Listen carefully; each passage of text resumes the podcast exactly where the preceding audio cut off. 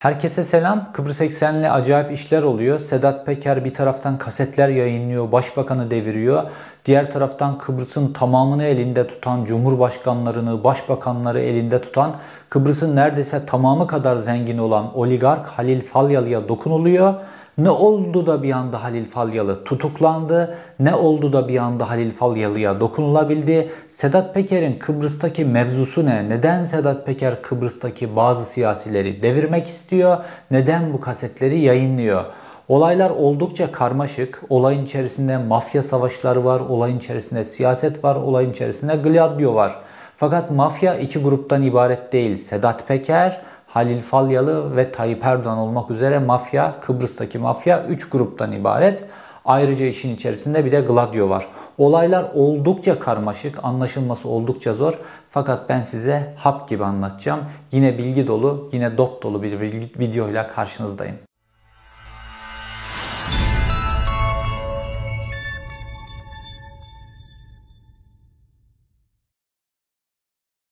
Kıbrıs'ta Sedat Peker ile Halil Falyalı arasındaki mücadele oldukça ilginç ve oldukça ilgi çekici ve bunu öncelikle öğrenmek istiyorsunuz. Fakat bunu anlayabilmek için önce mücadeleyi, bu savaşı ateşleyen üçüncü tarafın Kıbrıs üzerindeki oyunlarını anlamamız lazım. İşte bu mafyadaki üçüncü taraf Tayyip Erdoğan tarafı ve bunlar Kıbrıs'ı son yıllarda tıpkı bu okyanustaki bu vergi cenneti adalar var ya Man Adası vesaire bunlar gibi bir statüye getirdiler ve Kıbrıs'ı acayip kara para cenneti bir hale getirdiler. Ve bunun üzerinden hesaplar görüyorlar ve bu hesapları yani Kıbrıs'ı tamamen kontrol altına alma hesaplarını 2020'nin Ekim ayında çok üst bir perdeye taşıdılar. O yüzden sizi önce 2020'nin Ekim ayına götüreceğim. 2020'nin Ekim ayında Kıbrıs'ta Cumhurbaşkanlığı seçimleri vardı ve iki tane aday vardı. Bunlardan bir tanesi Mustafa Akıncı, bir tanesi de Ersin Tatar. Bu iki aday da arasında Tayyip Erdoğan açıkça Ersin Tatar'ı destekliyordu. Türkiye Kıbrıs seçimlerine geçmişten beri müdahalelerde bulunmuştur. Fakat 2020 Ekim ayındaki müdahale gibi bir müdahalenin eşi benzeri görülmemiştir. Tayyip Erdoğan normalde seçimleri Mustafa Akıncı net olarak kazanacaktı. Çünkü Mustafa Akıncı'nın hem Kıbrıs'ta çok saygın bir kişiliği vardı. Kıbrıs halkı tarafından destekleniyordu. Hem de Kıbrıs'ta bir cumhurbaşkanı ilk defa uluslararası çevrelerde inanılmaz muhatap alınıyordu. Mesela hani Tayyip Erdoğan geçenlerde Amerika'ya gitti hiç kimseyle görüşemedi filan ya. Mustafa Akıncı mesela son cumhurbaşkanı sıfatıyla son olarak Amerika'ya gittiğinde işte Amerikan Başkan Yardımcısı, bazı ülkelerin başbakanlarıyla vesaire görüşmüştü ki Kıbrıs dünyada tanınmayan bir devlet olmasına rağmen işte bu prestiji nedeniyle dünyada Kıbrıs'ın muhatap alınmaya başlamasıyla ilgili bunun getirdiği prestij nedeniyle Mustafa Akıncı'ya halkta bir teveccüh vardı. Fakat Tayyip Erdoğan'ın Kıbrıs'ı çevirmek istediği kara para cennetine Mustafa Akıncı blok koyuyordu. İşte burada Tayyip Erdoğan kendisinin Para konusunda çünkü mafya böyledir. Para konusunda birisi önünde durduğu an onun kellesi gider ve Mustafa Akıncı'nın seçimi kaybetmesi için Tayyip Erdoğan Cumhurbaşkanı yardımcısı yani kendi yardımcısı Fuat Oktay'ı görevlendirdi ve doğrudan Kıbrıs'a gönderdi. Fuat Oktay kendisiyle beraber 20 kişilik bir seçim ekibiyle birlikte oraya gitti ve bazı MHP'li milletvekillerini de kendisiyle beraber götürdü ve Kıbrıs'ta e, birkaç tane otelde üstler kurdular, seçim üstleri kurdular ve Kıbrıs'ı köy köy dolaşacak ekipler oluşturdular milletvekillerinden oluşan. Bunların tamamı görüntülendi, kayıtlara geçirildi Kıbrıs medyasının, Özgür Kıbrıs medyası tarafından. Fakat köy köy Fuat Oktay ve ekibi dolaştı. Para verdiler. Köylüleri tehdit ettiler. Köylülere umut verdiler. Türkiye'nin ağırlığını kullandılar. Eğer Türkiye'nin yani daha doğrusu Tayyip Erdoğan'ın istemediği bir cumhurbaşkanı seçilirse para gelmeyeceği artık Kıbrıs'a şeklinde tehditlerde bulundular su hattında bazı problemler olur, su gelmez gibi tehditlerde bulundular.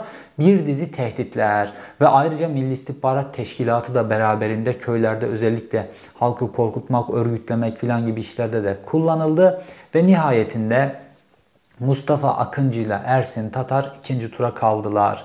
Ve ikinci turda Türkiye'nin bütün bu baskısı, medya üzerine baskılar kuruldu bu anda. Aynı Türkiye'deki gibi bir kısım medya susturuldu, bir kısım medya reklama boğularak susturuldu vesaire. Bütün operasyonu Türkiye'de çevirdikleri ne kadar operasyon varsa Kıbrıs'ta yaptılar ve Mustafa Akıncı 3700 oy farkla seçimi kaybetti ve Ersin Tatar seçildi.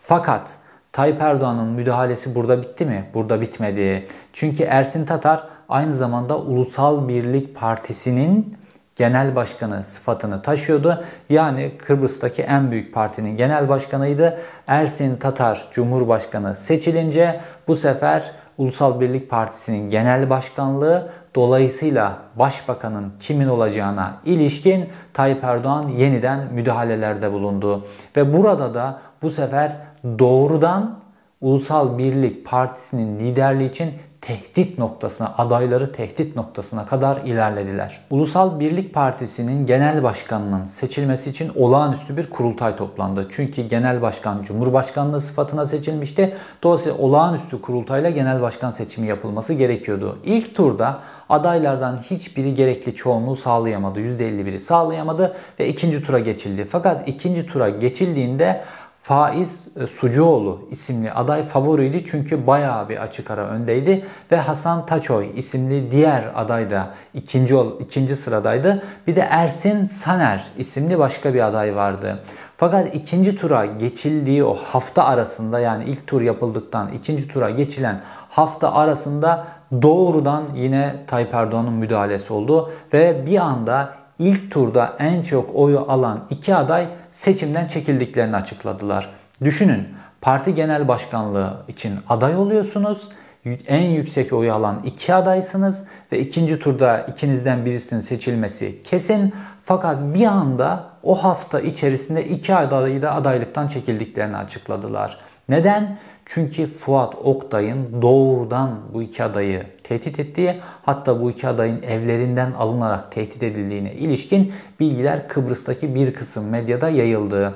İki adayın çekilmesinin ardından Ersin Saner isimli şimdi Sedat Peker'in kasetini yayınladığı başbakan tek aday olarak girdi ve dolayısıyla daha doğrusu rakipsiz aday olarak girdi. Dolayısıyla da önü açık biçimde seçildi. Yani Tayyip Erdoğan kendi zaten kendi istediği adamı Cumhurbaşkanını seçtirmek için her şeyi yapıyor. Fakat başbakan pozisyonuna da kendi istediği adam gelmesi için Kıbrıs'taki bir partinin iç işlerine doğrudan müdahale ediyor. En çok oyu alan adayları tehdit ediyor. Hani bunlar sürekli böyle milli iradeden filan bahsediyorlar ya bu Tayyip Erdoğan, bu İslamcılar filan.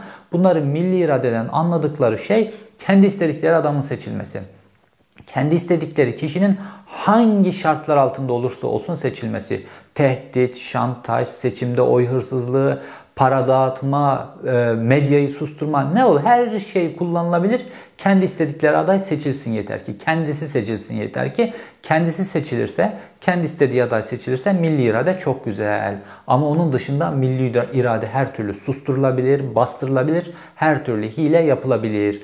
Ve bu şekilde iki aday tehdit edilerek, korkutularak seçimden çekildiler ve partinin iç işlerine, Ulusal Birlik Partisi'nin yani Denktaş'ın kurduğu partinin iç işlerine müdahale edildi ve dolayısıyla da Ersin Saner'in önü açıldı ve Ersin Saner genel başkan oldu. Ardından da Ersin Saner başbakanlık koltuğuna oturdu bir koalisyon hükümetinin başbakanı olarak. Üç partiden oluşan bir koalisyon hükümetiydi. İşte Ulusal Birlik Partisi, Büyük Parti ve Demokrat Parti, ikinci parti bir de üçüncü parti var. Fakat bu üç partinin bir araya gelmesi de yetmiyordu güven oyu almak için. Bu sefer de ne yaptılar biliyor musunuz? Muhalefetten bir partiden üç tane milletvekilini istifa ettirdiler ve o üç milletvekilinin oyuyla güven oylamasını sağladılar ve hükümet kuruldu. Azınlık hükümeti olarak kuruldu. Ve Ersin Saner Kıbrıs'ta başbakan olarak seçilebilecek en son kişilerden bir tanesi. Ne bir yeterliliği var, ne bir kapasitesi var, ne Kıbrıs gibi sorunlu hem e, hiçbir ülkenin tanımaması nedeniyle sorumlu, hem bu kara para kasinolar nedeniyle sorumlu, hem Türkiye ile ilişkileri yürütmek açısından çeşitli sorunları olan bir ülkenin başına başbakan olarak icranın başına böylesine yetersiz bir adam seçildi. Mafya ile de oldukça karanlık ilişkileri olan bir isim olarak Kıbrıs'ın başbakanı oldu. Ve Kıbrıs'ın bugüne kadar gördüğü en kötü hükümet olarak tarihe geçti. Bütün icraatları tamamen rezil vaziyette ve Kıbrıs'ı yıllarca geriye götürdü. Kıbrıs'ın imajını da iki paralık eden bir hükümet olarak kayıtlara geçti. Fakat Tayyip Erdoğan'ın iki dudağının arasından ne çıkarsa yapmaktı tek yeteneği ve nihayetinde Tayyip Erdoğan'ın iradesiyle oraya gelmişti ve şimdi de gitme konusunda Tayyip Erdoğan'ın iradesi nedeniyle bazı tereddütler yaşıyor. Ve o sırada sürpriz biçimde Halil Falyalı tutuklandı. Çünkü Halil Falyalı dediğimiz oligark Kıbrıs'ın oligarkı işte Kıbrıs'ın Cumhurbaşkanı Ersin Tatar'la da Kıbrıs'ın Başbakanı'yla da Ersin Saner'le de ikisiyle de fotoğrafları bulunan birisi. Kıbrıs'taki bütün bakanlarla, siyasilerle sosyal medya hesapları fotoğraflardan geçilmiyor. Kıbrıs'ın hepsini eline almış bir adam. Dolayısıyla dokunulmaz birisi. Nasıl dokunulmaz birisi? Uyuşturucu ve kara para akıllama nedeniyle Amerika Virginia'da hakkında verilmiş bir mahkeme kararı var. Mahkum olmuş durumda. Görüldüğü yerde yakalanıp Amerikan adaletine teslim edilmesi lazım. Ayrıca da uyuşturucu ile ilgili Amerika'nın dünyadaki en büyük örgütünün de listesinde bulunuyor. Fakat Kıbrıs'ta rahat biçimde yaşıyor. Çünkü Tayyip Erdoğan'ın ve Tayyip Erdoğan'ın zihniyetini temsil edenlerin istediği Kıbrıs bu dünyada kimse tarafından tanınmadığı için hiçbir ülkeyle suçluların iadesi anlaşması imzalayamasın. Dünyada kimse tarafından tanınmadığı için orada bütün istediğiniz gibi kara parayı aklayın. Hiç kimse oradaki yargı mekanizmalarıyla dolayısıyla müdahale edemesin. Orada istediğiniz yapın kendilerine bir tane böyle suç adası oluşturmak istiyorlardı. Ve işte Halil Falyalı da aslında bunun sembolü. Amerika'da açıkça kara para, uyuşturucu nedeniyle mahkum olmasına rağmen Kıbrıs'ta rahatça yaşıyordu ve ama Kıbrıs'tan dışarı çıkamıyordu ve sahip olduğu korkunç mal varlığı nedeniyle de Kıbrıs'ın tamamını neredeyse elinde tutuyordu. Düşünün mal varlığının büyüklüğünü anlayabilmek için. Halil Falyalı e, İngiltere'nin Fulham takımına talip oldu ve 100 milyon sterlin önerdi. Düşünün 100 milyon sterlin. Kıbrıs gibi nüfusunun tamamı 380 bin olan bir adada Türk tarafının e, tamamı 380 bin olan bir adadan 100 milyon sterlini sadece keyfi için bir futbol kulübüne verebilecek bir tırnak içinde iş adamı var. Yani Kıbrıs'ın tamamının bütün halkın devletin, bütün şirketlerin hepsinin bir yılda ürettiği gayri safi milli hasılanın 16'da birini tek başına bir futbol kulübüne zevki için verebilecek büyüklükte bir adam. Mal varlığının tamamının büyüklüğünü düşünün. Şimdi Halil Falyalı dediğiniz adamın geliri 3 kalemden geliyor. 1. Çok lüks otelleri var. 2. Çok lüks kazinoları var. 3. Sanal bahiste tekel durumunda. Şimdi 1998 yılında Türkiye artık bu kumar, kazino meselesiyle başa çıkamaz hale geldi. Özellikle de bu Susurluk kazası hadisesinden sonra işte mafya özellikle bu kumarhaneler, kazinolar üzerinden çok güçlüydü.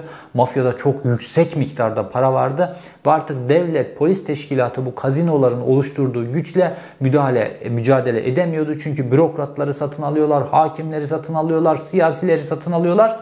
Ve en sonunda devlet işin içerisinden çıkabilmek için kazinoları Türkiye'de yasakladı. Böyle olunca ne oldu? Bütün kazinolar merkezi Kıbrıs'a kurdular.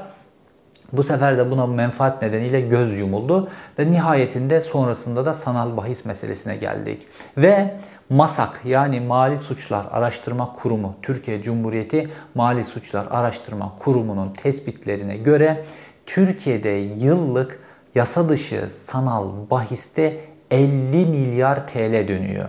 Yani ne demek? 5 milyar dolara yakın para dönüyor. Türkiye'de yıllık e, sanal bahis, yaşa dışı sanal bahis üzerinden ve bunun merkezi de Kıbrıs ve bunun en büyük oyuncularından bir tanesi de Halil Falyalı. Halil Falyalı'nın kazinolar, kumarhaneler ve e, bu sanal bahis üzerinden ve uyuşturucu da bunun içerisinde. Çünkü Halil Falyalı'nın esas büyük işlerinden bir tanesi de kokain meselesi haline geldi. Toplam günlük Günlük gelirinin 40 milyon dolar olduğu hesaplanıyor. Ve Halil Falyalı bütün bu dokunulmazlığı sayesinde Amerika'ya bile teslim edilmiyor. Hiç kimse dokunamıyor ona ve istediğini koşturuyor. Kıbrıs gibi bir ülkede Cumhurbaşkanlığı, Başbakanını ele almış. Türkiye'de işte Süleyman Soylu gibi İçişleri Bakanı filan elinde onun yaptığı kokain ticaretine hiçbir biçimde müdahale edemiyor.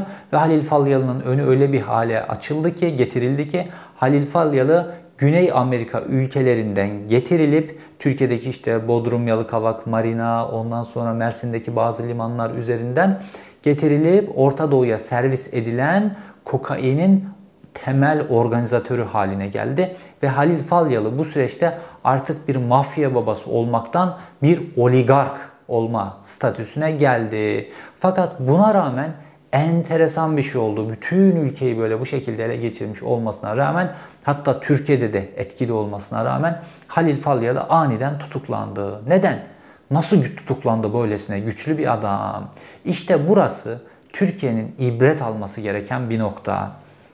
Halil Falyalı'nın yanında çalışan, daha doğrusu Halil Falyalı'nın kazinolarından, otel kazinolarından birinde çalışan bir görevli bir karakola gitti. Kıbrıs'ta bir karakola gitti ve kendisini Halil Falyalı'nın ve Halil Falyalı'nın otelinin yöneticisinin kaçırdığı, kendisini darp ettikleri, işkence yaptıkları, özgürlüğünden alıkoydukları ve kendisini zorla, zorlayarak bazı suçlara bulaştırdıklarına ilişkin suç duyurusunda bulunduğu. Karakoldaki bu suç duyurusu üzerine işte suç duyurusunda bulunduğu kişiler tek tek gözaltına alındı. Fakat polis teşkilatı Halil Falyalı'ya dokunamıyor. Çünkü Halil Falyalı çok güçlü. Hatta Kıbrıs'ta polis olmak isteyenler gidip Halil Falyalı'dan referans getiriyorlar. Bu derece güçlenmiş birisi. Dolayısıyla Emniyet Teşkilatı Halil Falyalı'ya dokunamadı. Fakat savcılık soruşturmayı yürütmekte kararlıydı. Çünkü Kıbrıs'ta hala bağımsızlığını koruyan bir yargı var. Türkiye'de olmayan şey. İşte bu son derece önemli ve ibretlik. Savcılık soruşturmayı yürütme konusunda kararlı olunca ve savcılar öyle Türkiye'deki gibi hop görevden alınıp başka yere sürünemiyor. Çünkü böyle özgür, bağımsız bir e, yargı mekanizması halen daha sorunları olmakla birlikte Kıbrıs'ta olduğu için bu sefer Halil Falyalı yeniden Başbakan Ersin Saner üzerinden, Cumhurbaşkanı üzerinden çeşitli hamleler yapmaya başladı. Ve Başbakan ve Cumhurbaşkanı özellikle Başbakan Halil Falyalı'ya karakola git, ifadeni ver, serbest bırakılacaksın garantisini verdi. Bunu özellikle emniyet teşkilatı üzerinden sağladıklarını düşünüyorlardı. Fakat enteresan bir şey oldu. Halil Falyalı kendisi 15 Ekim'de gidip teslim oldu karakola. Düşünün Kıbrıs gibi küçücük bir adada Halil Falyalı bulunamıyor.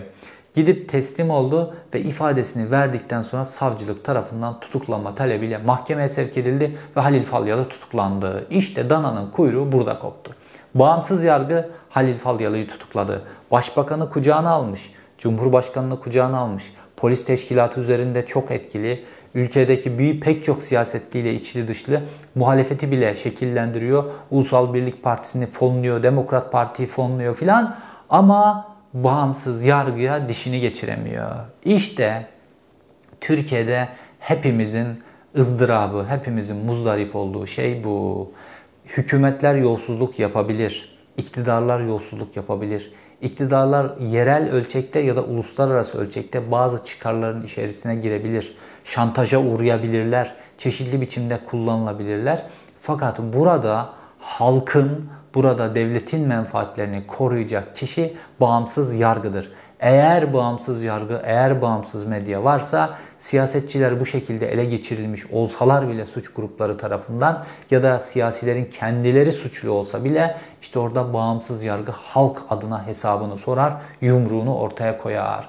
Ve Halil Falyalı tutuklandıktan sonra tabi Halil Falyalı'nın meşhur Sedat Peker'in söylediği kaset arşivi var ya bu gündeme geldi. Ve iddialara göre Halil Falyalı Ersin Saner'e yani başbakana kendisinin derhal bırakılmaması halinde kendisinin seks kasetini yayınlayacağına ilişkin bir tehdit mesajı gönderdi.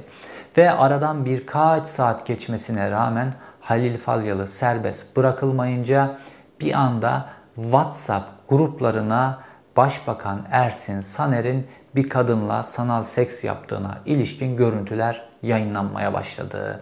Yani daha Sedat Peker bu görüntüleri yayınlamadan önce ki buna Kıbrıs'taki bütün gazeteciler, Kıbrıs'ta bu işle ilgilenen herkes şahit. WhatsApp gruplarında bu görüntü dolaşmaya başladı. Hatta bir Facebook hesabı görüntüyü biraz sansürleyerek, blurlayarak, full ulaştırarak Facebook hesabına da yükledi öğleden sonraki saatlerinde. Fakat akşam saatlerine geldiğimizde Kıbrıs'ta bu son çok fazla konuşulmadı. Çünkü Kıbrıs kendine özgü kültürü olan bir şey bir, bir ülke. Dolayısıyla Kıbrıs'ta böyle konular üzerinden çok fazla da konuşulmaz. Magazin konuları Kıbrıs'ta çok önemli değildir. Mesela Kıbrıs'ın bir magazin gazetesi yoktur. Kendine özgü farklı bir ülke.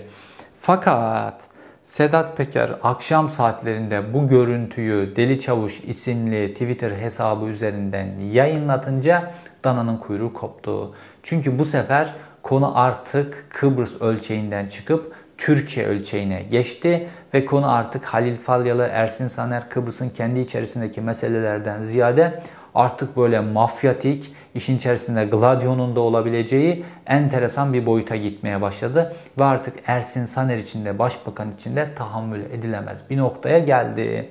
İşte burada e, Ersin Saner'e gönderilen mesajlardan bir tanesi de bu videonun daha beteri olacağına olduğuna ilişkin bir mesajdı. Çünkü Ersin Saner'i tanıyanlar biliyor. Yani son derece düşük diyebileceğimiz bir adam ve bu yayınlanan video onun muhtemelen en iyi videosudur. Yani yayınlanan video bir kadının aslında kaydettiği karşılıklı telefondan sanal seks yaptıkları bir video. Fakat Ersin Saner de pek çok Türkiye'li siyasetçiler dahil Halil Falyalı'nın o ultra lüks kazinolu otellerinde kaldılar. En azından kumar oynarken görüntüleri var. En azından otellerin odasında neler yaptıklarına ilişkin görüntüler var. Çünkü seçim de özellikle Ulusal Birlik Partisi'nin seçim çalışmaları da otellerin odalarında dönüyor idi. Ve bu mesaj gittikten sonra ani bir gelişme oldu. Halil Falyalı cezaevinde normalde Kıbrıs'taki sisteme göre tutukluluk kararı veriliyor ama bu 70 günden uzun olamayacak şekilde bir tutukluluk kararı veriliyor. Onun hemen bu 70 günün bitimine kadar savcılığın çok hızlı biçimde bir adım atması lazım. İddianame şubu gibi yargının hızlı yürümesi gerekiyor. Ve bu sırada e, Halil Falyalı aniden hastalandı. Ve hastalandığına ilişkin işte raporlar filan bunlar filan ayarlandı. Ve Halil Falyalı cezaevinden çıkartılarak hastaneye götürüldü. Yani daha konforlu bir şekilde yaşayacağı bir hastane odasına, lüks bir hastane odasına aktarılmış oldu Halil Falyalı. Bu Halil Falyalı rahatlatmak için siyasetçilerin yapabileceği bir adımdı ve iddialara göre Halil Falyalı'nın daha da ileri gitmemesi için bu tip bir organizasyonun Türkiye'den Süleyman Soylu'nun e, fikriyle yapıldığına ilişkinde bir iddia var. Ve fakat Halil Falyalı bu şekilde şimdilik rahatlatıldı daha ileri gitmemesi için. Peki bu noktada geleceğimiz şey şu. Sedat Peker ile Halil Falyalı'nın arasında ne gibi bir problem var? Ve Sedat Peker neden bu kasetleri üzerine alıyor, yayınlıyor? Ve Sedat Peker neden Halil Falyalı'nın arşivi bana geçti diyor. Şimdi burası enteresan. Mafya savaşları boyutu giriyor işte bu işin içerisine. Halil Falyalı'nın Veysel Şahin isimli bir ortağı var. idi. 2010 yılın 7 yılına kadar. Bu Veysel Şahin Türkiye'de işte bu yasa dışı kumar filan o işlerini Halil Falyalı ile birlikte organize eden isimlerden bir tanesi ve o da bayağı büyük bir zengin. Fakat aynı zamanda Halil Falyalı'yı da dengeleyen bir kişi Kıbrıs'ta. Fakat Türkiye'de işte bu yasal e, yasa dışı kumar sitelerine yönelik bir operasyonda Veysel e, Şahin'in de ismi geçti ve Veysel Şahin'in adamlarına yönelik bir operasyon yapıldı 2017 yılında. Ve Veysel Şahin'in de e, bu operasyon kapsamında ismi geçti ve Kıbrıs'tan Türkiye gelirse tutuklanacak. Fakat Kıbrıs'tan Türkiye gelmiyordu. Fakat Sivas'ta babası bir ağaçtan düşme gibi bir hadiseyle babası böyle ağır yaralanınca Veysel Şahin sahte bir kimlikle Kıbrıs'tan özel bir uçakla gelip babasını ziyaret etti. Fakat enteresan biçimde bu sahte kimlikle geldiğine ilişkin bilgi bir ihbarcı tarafından Türk polisine ihbar edildi. Ve Veysel Şahin e, kız kıvrak yakalandı ve şu an Silivri cezaevinde cezasını tamamlamak üzere bulunuyor. Ve enteresanı Veysel Şahin tutuklandığında mahkeme Veysel Şahin'in mal varlığını araştırdı ve 780 milyon dolarlık bir mal varlığı vardı. Düşünün bu küçük ortak. Halil Falyalı'nın mal varlığını düşünün ve bunlar tespit edilebilen mal varlıkları. Bunların İsviçre bankalarındaki, adalardaki, işte evlerin bodrumlarına gömülmüş filan bu mal varlıklarını da daha bilmiyoruz. İşte mücevhere çevrilmiş böyle taşınabilen mal varlıkları filan bunları da daha bilmiyoruz. Yani küçük ortağın mal varlığının büyüklüğüne bakın 780 milyon dolar. Kıbrıs gibi küçücük bir adada ve büyük ortağın mal varlığının boyutunu düşünün. Ve Veysel Şahin bu organizasyonla yani kendisinin bu şekilde ihbar edilmesiyle ilgili Halil Falyalı'yı suçluyor ve cezaevinden çıktığında Halil Falyalı'dan intikam alacağını söylüyor. Aynı şekilde Halil Falyalı'nın bir adamı da Sedat Peker hakkında işte şimdi bir iddianame falan vesaire var ya. Sedat Peker'in ismini suça bulaştırıp Sedat Peker hakkında işte bir soruşturma açılmasına neden olan kişilerden biri. Hatta daha sonra bu kişi Halil Falyalı ile de arası bozuluyor. Hatta Halil Falyalı'nın onu kurşunlattığı filan söyleniyor. Buradan bu sebeple Halil Falyalı ile Sedat Peker arasında bir problem var. Fakat esas büyük problem Sedat Peker daha önce geçmişte Kıbrıs'ı defalarca ziyaret etmiş filan bir isim. Fakat Sedat Peker'in kendi yayınladığı videolarda biz şunu görüyoruz ki Kıbrıs'ta yapılan siyasi operasyonlarda akla gelen isimlerden de bir tanesi Sedat Peker imiş. Bunu nasıl anlattı Sedat Peker? Kutlu Adalı suikastıyla anlattı. Dedi ki Sedat Peker, Kutlu Adalı'yı öldürmek için Korkut Eken beni çağırdı, bana görev verdi. Ben de ona dedim ki sana çok iyi bir adamımı vereceğim, kardeşimi vereceğim. Gidin kardeşimle beraber bu işi halledin dedim diyor. Korkut Eken kim? Eski MIT yöneticisi. Korkut Eken kim? Özel Hareket Dairesi'nin kurucusu, Emniyet Özel Hareket Dairesi'nin kurucusu. Korkut Eken kim? Mehmet Ağar'ın sağ kolu. Korkut Eken kim? Gladio'nun en önemli isimlerinden bir tanesi. Yani Gladio Kıbrıs'ta yapılacak bir siyasi suikasti. İşte Kutlu Adalı kim? Bütün bu Kıbrıs'ta çevrilen böyle pis işleri, o dönemin pis işlerini haberleştiren bir gazeteci. Kutlu Adalı'yı öldürme işini Gladio Sedat Peker'e veriyor. Biz şunu anlıyoruz o zaman. Sedat Peker geçmişten beri Kıbrıs'a yaptığı ziyaretleri öyle bir turist olarak Kıbrıs'ı gezmek için falan gitmemiş. Sedat Peker de Gladio'nun bir ayağı olarak Kıbrıs'ta ağırlığı olan bir adam. Şimdi Erdoğan rejimi Kıbrıs'ı tamamen ele geçiriyor. Ve Erdoğan rejimiyle bu Gladio'nun arasında işbirliği olsa da Gladio elinden ipi tamamen kaçırmak istemiyor ve Kıbrıs'taki ipleri de şimdi toparlamak istiyor.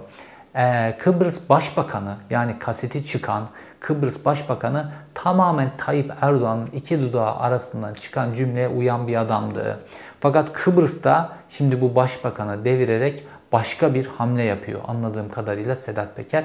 Ve Sedat Peker'in bu hamlesi sadece Halil Falyalı ile ilgili olamaz. Aynı zamanda siyasi bir yönü de var. Zaten Sedat Peker'in son dönemki hamlelerine baktığımızda, son bir yıllık hamlelerine baktığımızda aynı zamanda Türkiye içine yönelik de bir siyasi hamle yapıyor ve zaten Birleşik Arap Emirlikleri'nde video çekmesinin yasaklanması ile ilgili gerekçelerden bir tanesi de bu. Bunlar siyasi hareketler olarak başka bir ülkenin içerisinde siyasi bir yıkım yapacak hareketler olarak yorumlanıyor ve bu maddenin içerisine biraz da sokulup bu şekilde Sedat Peker'in video çekmesinin yasaklandığı belirtiliyor. Ve gelelim şimdi Sedat Peker'e bu arşiv geçti mi geçmedi mi meselesine. Şimdi Sedat Peker aynı zamanda sadece Kıbrıs Başbakanı hakkında bir video yayınlamadı. Daha doğrusu Deli Çavuş hesabı, yedek hesabı üzerinden yayınladı bu videoyu. Aynı zamanda da Demokrat Parti Genel Başkan Yardımcısı hakkında da bir video yayınladı. Ve Demokrat Parti de koalisyon ortağı, iktidardaki koalisyon ortağı şu anda. Onun hakkında da bir video yayınladı. Ayrıca bir bürokrat hakkında video yayınladılar. Hatta bugün de bir belediye başkanının oğlu hakkında video yayınladılar. Bu videoların tamamına baktığımızda videoların tamamı sanal seks videoları. Yani öyle bahsedildiği gibi Halil Falyalı'nın otelinde, otelinin içerisindeki gizli kameralarla çekilmiş müstehcen görüntülerden bahsetmiyoruz. Yani zaten videoların hemen tamamında aynı kadın var. Bir tanesinde farklı bir kadın var. Başbakanla konuşan kadın farklı. Yani bu kadınlar karşıdaki kişiyle sanal seks yaparken bunu aynı zamanda telefona kaydetmişler. Ve bunu belki kendileri şantaj unsuru olarak kullandığı, belki kendilerinin ilişki içerisinde bulundukları mafya grubuna verdiler filan bir şeyler yaptılar ve bu elden ele dolaşmış anlaşılan ve bu şekilde şimdi Sedat Peker'e de ulaşıyor. Fakat dediğim gibi Sedat Peker çok iddialı. Diyor ki Halil Falyalı'nın arşivi bana geçti. Şimdi Halil Falyalı'nın esas arşivi işte otel odasında olan şeyler. Henüz böyle görüntüler yayınlamadı. Bunları görmedik. Sanal seks görüntüleri yayınlandı. Ve Sedat Peker başbakanın görüntüsünü yayınlamadan önce bu görüntü Kıbrıs'ta WhatsApp grupları arasında dolaşmaya başladı. Yani Sedat Peker aslında gruplarda dolaşan görüntüyü alıp yayınlayınca kendi kamuoyu oluşturma gücü, kendisinin hesapları çok güçlü çünkü sosyal medya hesapları olayı bambaşka bir boyuta taşıdı. Mesela yayınladığı Demokrat Parti Genel Başkan Yardımcısı ile ilgili görüntü 4 ay öncesinde Kıbrıs'ta zaten yayınlanmıştı. Elden ele dolaşmıştı. Fakat Kıbrıs medyasında haber olmuyordu. Çünkü Kıbrıs medyası bu tip işlerle ilgilenmiyor. Yani Kıbrıs küçük bir yer vesaire bu tip işlerle ilgilenmiyorlar. Fakat o Demokrat Parti Genel Başkan Yardımcısının görüntüsü 4 ay öncesine ait. Çünkü muhtemelen bu kadınlar bunu şantaj unsuru olarak kullandılar, istediklerini alamadılar, ondan sonra piyasaya düşürdüler. Ya da işte bu, bunlar bu alemin kadınları, o belki başkasına gösterdi, ona mesaj attı, oldu bu oldu filan. Bu şekilde düştü. Dolayısıyla bilinen bir görüntü. Aynı zamanda bir de oranın sosyal sigortalar bir hatta Lefkoşa'nın mı o öyle bir yerin sosyal sigortalar müdürünün görüntüleri yayınlandı. Bu da daha önceden düşmüş, piyasaya düşmüş görüntüler. Bunu Kıbrıs'ta görev yapan bütün gazeteci arkadaşlarım bunu böyle anlatıyorlar zaten. Dolayısıyla bu işler yani böyle arşivin Halil Falyalı'nın arşivinin Sedat Peker'e geçtiğine ilişkin elimizde net bir done yok. Yani bir otel odasındaki görüntüyü yayınlarsa Sedat Peker bu arşivin eline geçtiğini düşünebiliriz. Fakat şu an elimizdeki delillerle hareket edeceğiz. Şimdi Sedat Peker Halil Falyalı'yı gömmek istiyor. Bir. İki Sedat Peker o Kıbrıs'taki siyasi ortamı değiştirmek istiyor. Kendi ittifak halinde olduğu güçler adına. Dolayısıyla bir taşta iki kuş vuruyor Sedat Peker. Ve Halil Falyalı'nın üzerine yıkıyor işi. Diyor ki işte bu görüntüler diyor Halil Falyalı'nın arşivinden diyor. Dolayısıyla artık Halil Falyalı'nın temel gücünü elinden almış oluyor Sedat Peker.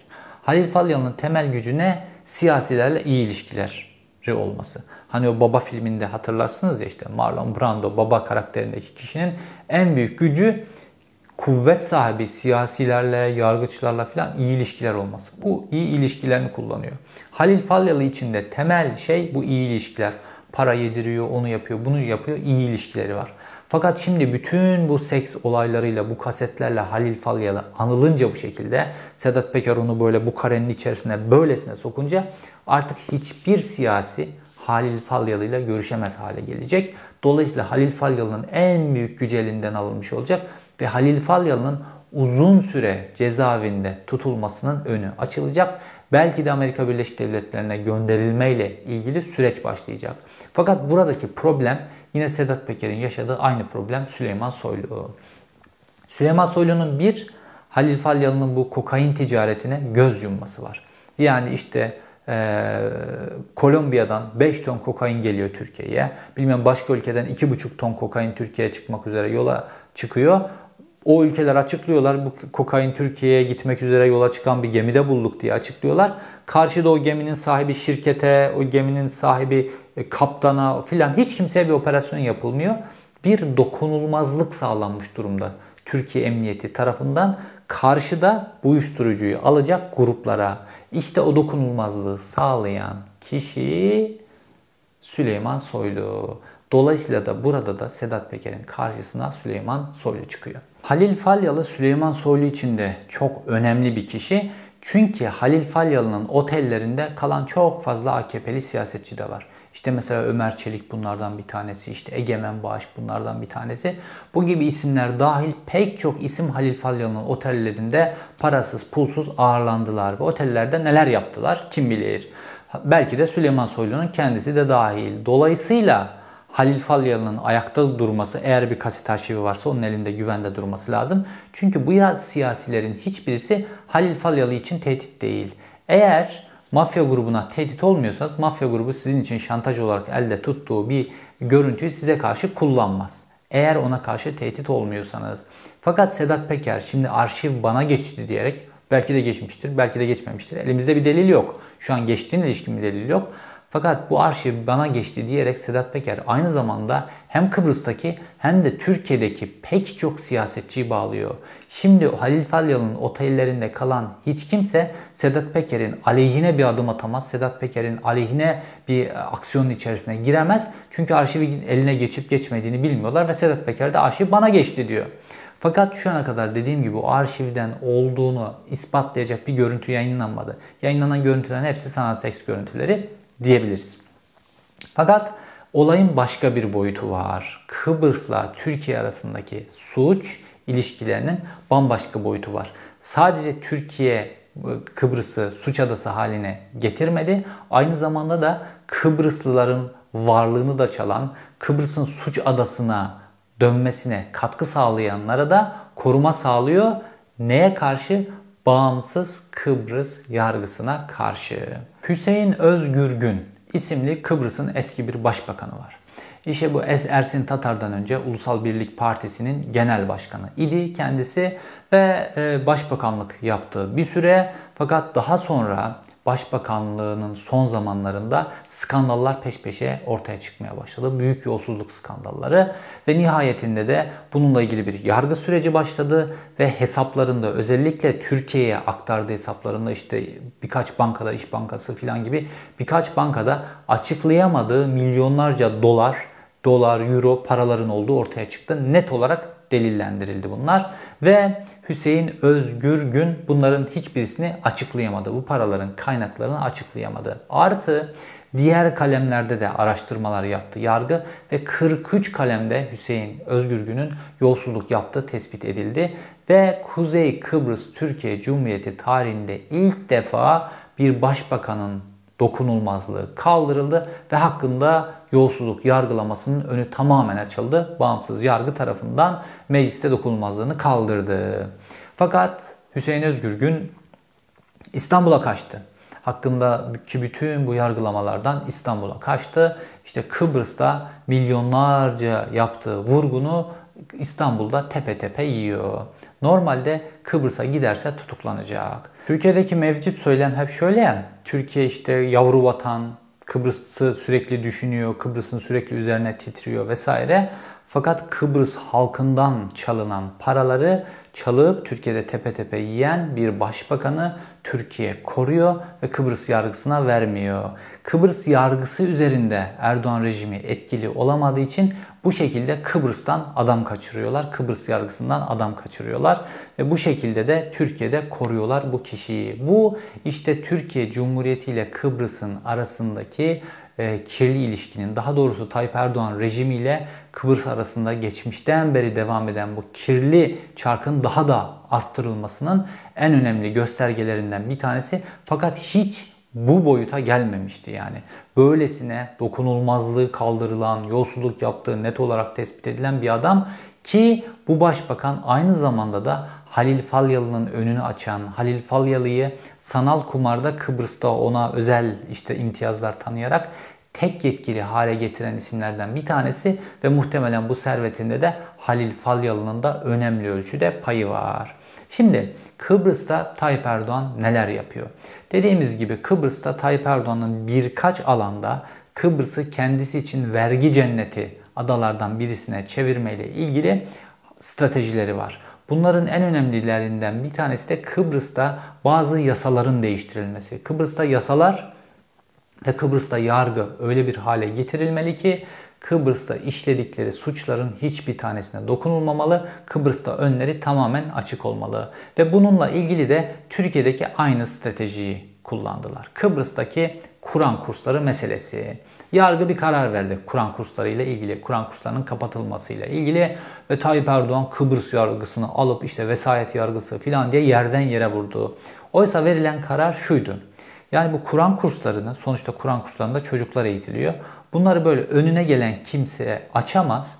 Bu Kur'an kurslarını açabilmek ancak Milli Eğitim Bakanlığı'nın çatısı altında olur ve pedagojik pedagojik formasyon olan yani çocuk eğitimliğiyle çocuk nasıl eğitilirle ilgili eğitim almış olan kişiler tarafından çocuklara Kur'an eğitimi verilebilir diye böyle bir karardı. Fakat bunu Kıbrıs'ta Kur'an kursları kapatılıyor, Kıbrıs'ta Kur'an yasaklanıyor. İşte bunun sorumlusu da yargıdır diye bir yaygara kopartıldı. Fakat Kıbrıs yargısı bunun karşısında dimdik durdu ve bütün yargıçlar beraber protesto gerçekleştirdiler ve buna karşı durdular. İşte yargı kendi bağımsızlığını sağlamakla ilgili böylesine dik durunca yargının boynu kolay kolay eğrilemiyor ve bütün Türkiye'nin desteğine rağmen Kıbrıs'taki başbakanın Cumhurbaşkanı'nın avucunu almış olmasına rağmen Kıbrıs'ı bir suç adasına çevirmenin aktörlerinden birisi olan Halil Falyalı bu şekilde tutuklanıyor ve işte kaderin bir cilvesi olarak da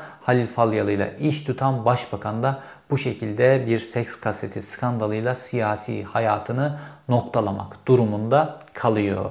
Fakat Türkiye'de nasıl oldu? Türkiye'de 2013 yılında hükümet hedef alan 17-25 Aralık yolsuzluklar oldu. Ve burada işte şimdi o beşli çete diyoruz ya, hep beşli çete konuşuluyor. Bütün işte köprü ihaleleri, ondan sonra o devasa e, şehir hastaneleri, geçsen de geçmesen de para ödediğin köprüler, yolcu gelse de gelmese de para ödediğin havalimanları filan. Bütün bunlarla halkı soyan o beşli çete var ya, işte bu beşli çetenin içinde olduğu bir yolsuzlukla ilgili bu havuz yolsuzluğu ile ilgili 17-25 operasyonlarında bunların mal varlığına el konulması ile ilgili mahkeme kararı çıktı. Ve polis bu mahkeme kararını uygulayamadı, uygulamadı. Yani o gün polis devletine geçtik. Bir ülkede en kritik nokta burasıdır. Mahkeme kararları herkesi bağlar. Mahkeme kararı bir ülkede uygulanmayınca o ülke bitmiştir. Artık polis devletine geçmiştir. Çünkü polisin belinde silah vardır. Hakimler kanunlara dayanır. Polis kanununu uygulamıyorum dediği anda silah konuşuyordur artık. Ve bu yapıldığında işte o Kıbrıs'ta yapıldığı gibi Türkiye'deki bütün hakimler, savcılar bir blok halinde hareket etmeli, blok halinde protestolarını göstermeleri ve kendilerini, başta kendi mesleklerini artı ülkedeki kanunu, nizamı, anayasayı savunmalıydılar. Fakat çıt çıkmadı hiçbir hakimden ve ondan sonra da Türkiye'de her türlü yolsuzluk yapılabilir hale geldi. İşte bugün bu AKP'li çocukları böyle görüyoruz ya Twitter'da. Ferrari'lerle geziyorlar, Maserati'lerle geziyorlar filan. İşte bu yolsuzluklar artık bu noktalara kadar, il başkanları noktasına kadar indi. İndi ise o gün orada bir bariyer örülmediği için. Bugün sorunları olsa da Kıbrıs yargısı son derece önemli bir adım attı. Halil Falyalı'nın tutuklanmasıyla birlikte İR'in tamamen patladığı. Şimdi artık her şeyi net görüyoruz. Kıbrıs üzerindeki mafya savaşlarını görüyoruz. Halil Falyalı, Tayyip Erdoğan, Sedat Peker ve Gladio bütün açıklığıyla artık Kıbrıs'ta görülüyor ve işin enteresanı en büyük ifşa da Kıbrıs'tan başladı. Sedat Peker Kutlu Adalı isimli gazetecinin infaz edilmesiyle ilgili Gladio'dan talimat aldığını açıkladı. Sedat Peker halen daha Türkiye'de Gladio'dan ne talimat aldığı, kimi öldürmekle ilgili talimat aldığı, Gladio'yla ne işler çevirdiğini henüz açıklamadı. Çünkü Sedat Peker'in Veli Küçük'le, Veli Küçük Paşa ile olan ilişkileri tamamen kapalı kutu vaziyetinde. Fakat Kıbrıs'ta ilgili cerahati patlattı. Kıbrıs Türkiye'deki Gladio'nun, Türkiye'deki Gladio mafya ilişkileri, Gladio siyaset ilişkilerinin açığa çıkartılması açısından da bir mihenk taşı haline dönüştü. Ve Kıbrıs'ta şu an bütün izlediğimiz o kaset savaşları, ses kasetleri, yolsuzluklar, uyuşturucu yönetimi, kumar, yasa dışı bahis filan bunların hepsini böyle açık açık görüyoruz ya. Bu işte Türkiye'nin demosu. Türkiye'de şu an bunun kat kat daha büyük hadiseler gerçekleşiyor. Fakat biz bunlara gazeteci çabasıyla henüz çok küçük aşamalarda ulaşıyoruz. İnanın bu rejimin ne kadar büyük yolsuzluklar çevirdiğini, ne kadar büyük suçlara karıştığını yıllar yıllar boyu yazacağız. Onlarca yüzlerce video çekmek zorunda kalacağız. Kitaplar yazılacak, seriler çekilecek, filmler yapılacak. Çünkü çok büyük suçlar işleniyor. Kıbrıs'ta dönen bütün hadiseleri bütün boyutlarıyla anlatmaya çalıştım. Fakat Kıbrıs'ın narko terör boyutu özellikle Kıbrıs'ın narko dolar boyutu ayrı bir videoda belki anlatılması gerekiyor ve bununla ilgili de bildiğim çok önemli sembol bir olay var ve işin içerisine Türk Silahlı Kuvvetleri de dahil edilmiş. Bu sefer bu sembol olayı da belki bir başka videoda açıklayacağım. İzlediğiniz için teşekkür ederim. Bir sonraki videoda görüşmek üzere.